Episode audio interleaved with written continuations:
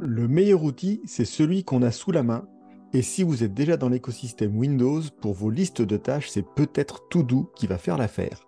Bienvenue, vous êtes sur J'ai pas le temps pour ça, le podcast proposé par Eric Boucher. Je vous présente des trucs, des astuces, des outils, des méthodes pour être plus efficace au quotidien et terminer la journée plus tranquillement.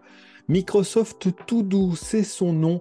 C'est cette application qui va vous permettre de gérer des listes de tâches seul, en équipe et dans les différents outils Microsoft que vous avez avec vous déjà. L'outil n'est pas tout neuf, en fait il vient de l'acquisition par Microsoft de la solution Wunderlist, qui était un outil bien connu et bien apprécié par ceux qui voulaient gérer justement des listes de tâches simples. Quand on dit liste de tâches, c'est tout ce qui peut être liste, ça commençait même par des listes de courses, avec l'avantage qu'avait Wunderlist et que Todo a conservé de pouvoir les partager entre vous, entre différentes personnes, soit de la maison quand on était sur liste de courses, soit avec les collègues quand il s'agit de listes de tâches à faire. Comment ça se présente de la manière la plus simple possible Ce sont vraiment des listes. Il y a un écran d'accueil qui s'appelle Ma journée dans lequel je vais pouvoir mettre justement ce que je vais faire aujourd'hui. Et puis, vous allez pouvoir euh, gérer différents types de listes partout avec vous parce que vous allez pouvoir l'installer effectivement sur l'ordinateur, tablette, téléphone, quels que soient les appareils que vous utilisez, bien évidemment.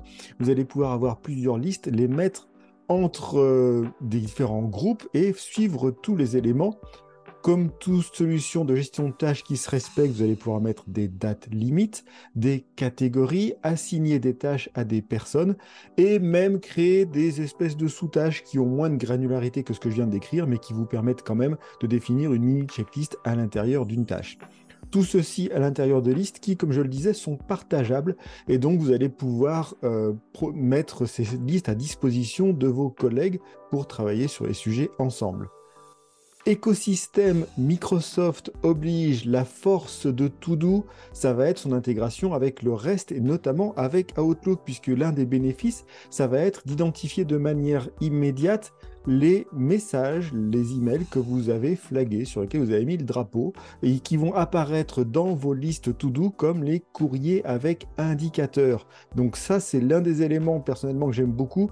Euh, si vous me suivez et que vous avez entendu parler d'organiser pour réussir ou de productivité parfaite, vous aurez entendu parler de la capture et de ces multiples points de capture qu'on a. Et ça permet de limiter les points de capture puisque vos emails identifiés arrivent dans To-Do qui devient votre point d'entrée unique. Autre intérêt lié à l'écosystème Microsoft, vous allez pouvoir intégrer également les tâches de To-Do dans Teams. Et pareil, combiner vos tâches personnelles avec les tâches d'équipe et donc avoir sur chaque équipe, chaque projet Teams, votre liste de tâches qui est assignée. Donc on a quand même pas mal de bénéfices à partir du moment où vous êtes dans l'écosystème, c'est souvent euh, là-dessus que ça va se jouer, donc de pouvoir combiner des listes de tâches relativement simples partageable avec un suivi de vos emails identifiés et de pouvoir intégrer tout ça dans un Teams si vous en avez besoin.